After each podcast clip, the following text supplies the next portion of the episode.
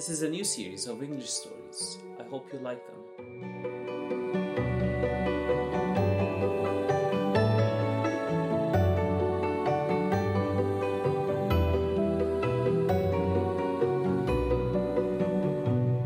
Mira was on vacation back in Beirut. She had time off, but her cousins did not. They were still busy with school and after school homework. Last time she had seen them was on the weekend when they watched the Super Mario Brothers movie together at the theater. Weekdays were a bit slow for Mira and a bit boring. Mira entertained herself at times with drawing and creating stories with her toys, but at other times she just missed having some company. One day, Mira's uncle, Rami, took a day off from work to play with her on his PlayStation PS5. Mira loves the Paw Patrol game. In fact, she loves everything about Paw Patrol.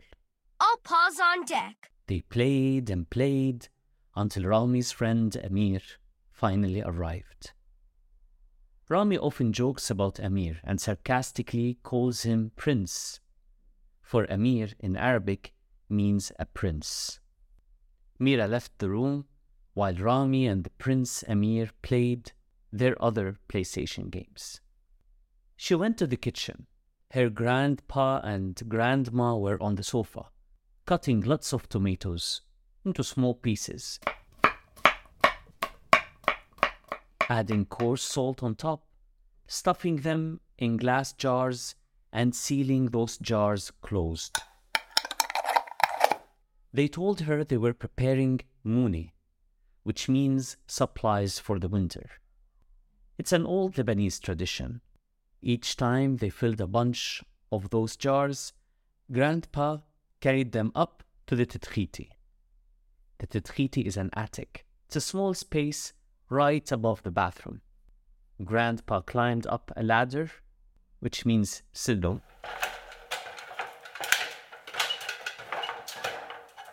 and Grandma passed the jars to Grandpa, and Grandpa stacked them up in the Titkhiti, the attic.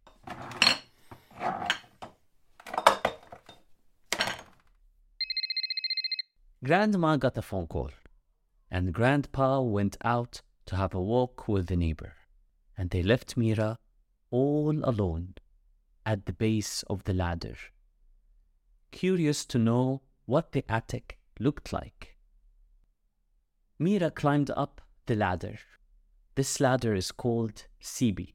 It's a special kind of ladder that is shaped like an upside down letter V and is relatively safer to use. She climbed up the ladder, carefully putting one foot after the other on each step before switching further up to the next step.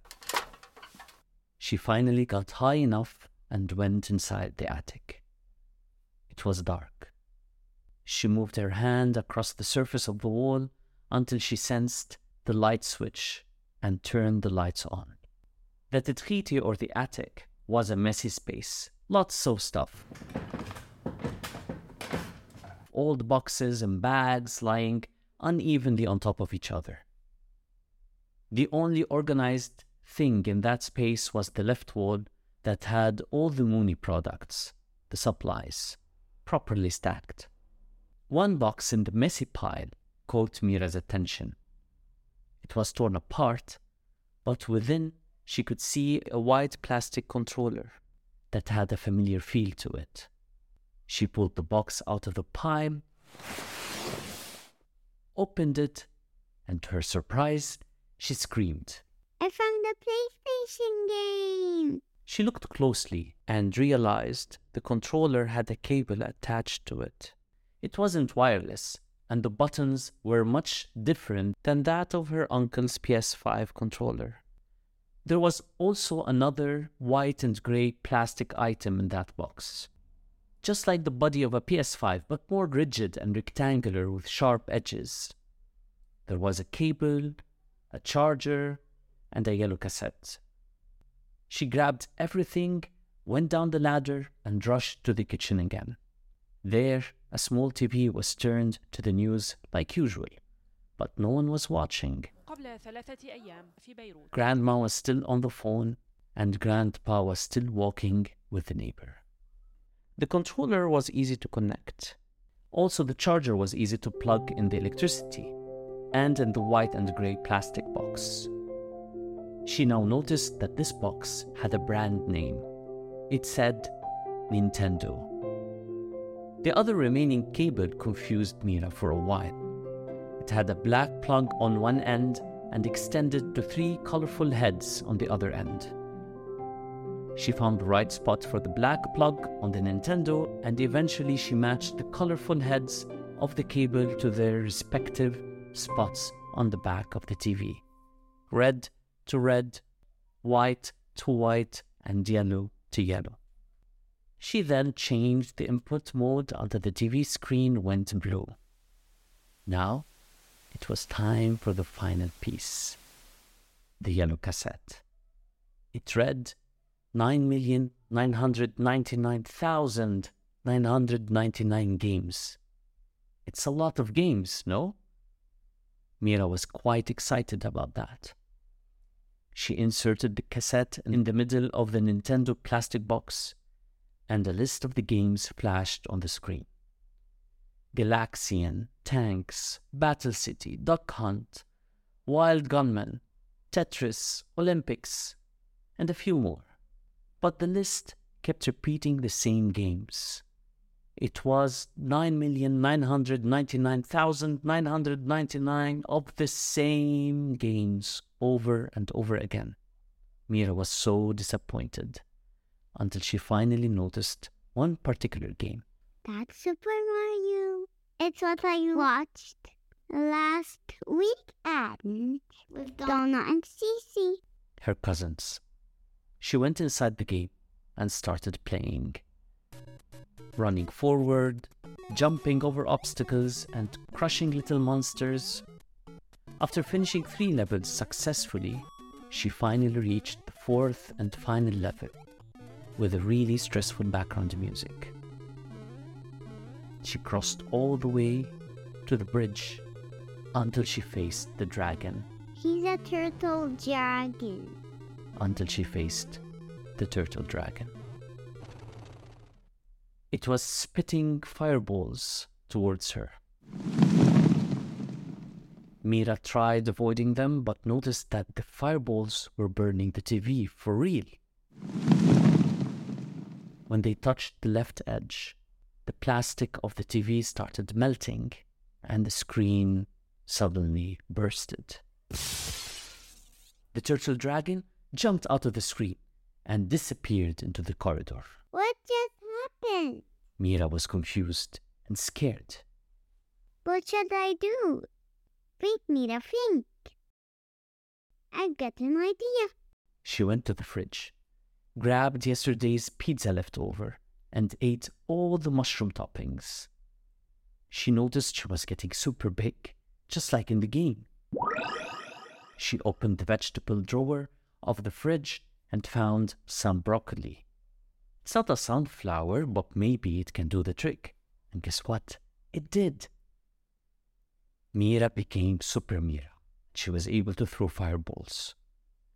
She went to the corridor and checked every room in the house, looking for the dragon, The turtle dragon. the turtle dragon. The turtle dragon wasn't in the main bedroom, nor the smaller one. It was not in any of the bathrooms, and not in the lobby. There was only one room left to check the salon, where Rami and the Prince Amir were playing. Why didn't she think of that earlier? Of course, the dragon, the turtle dragon, is always after the princess, or in this case, the prince, Amir. She slammed the door open, and there it was. The turtle dragon was sitting on Amir, the prince, crushing him with his weight while Rami had his earphones on, asleep and unaware of anything. Release him at once, Or else what? or I'll throw fireballs at you. the turtle dragon laughed and Mira started throwing fireballs for real. They were burning its skin, but not enough to kill it or scare it away. It threw fireballs back at Mira, but Mira successfully avoided every single one of them. Eventually, the turtle dragon couldn't handle the pain of its burning skin anymore. But also, it didn't want to show any weaknesses. Enough! Let's have a deal. If you guess my name correctly, I will leave everyone in peace. But here's the catch you only have one guess. And if you don't get it right, I will take you as my prisoner instead of him. Deal. That was fast. Okay then, give me your best guess. It's easy. Your name is Bowser. No, no, no! How? No one knows my name. How did you guess it? A Super Mario game never mentions my name. Well, I had watched the Super Mario movie last weekend, and they do mention your name. No! No!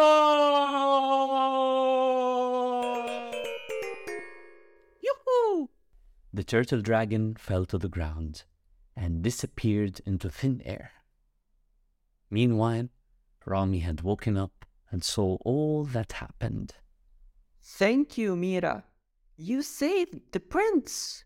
Rami joked, and they all laughed, and then played more PS5 games together.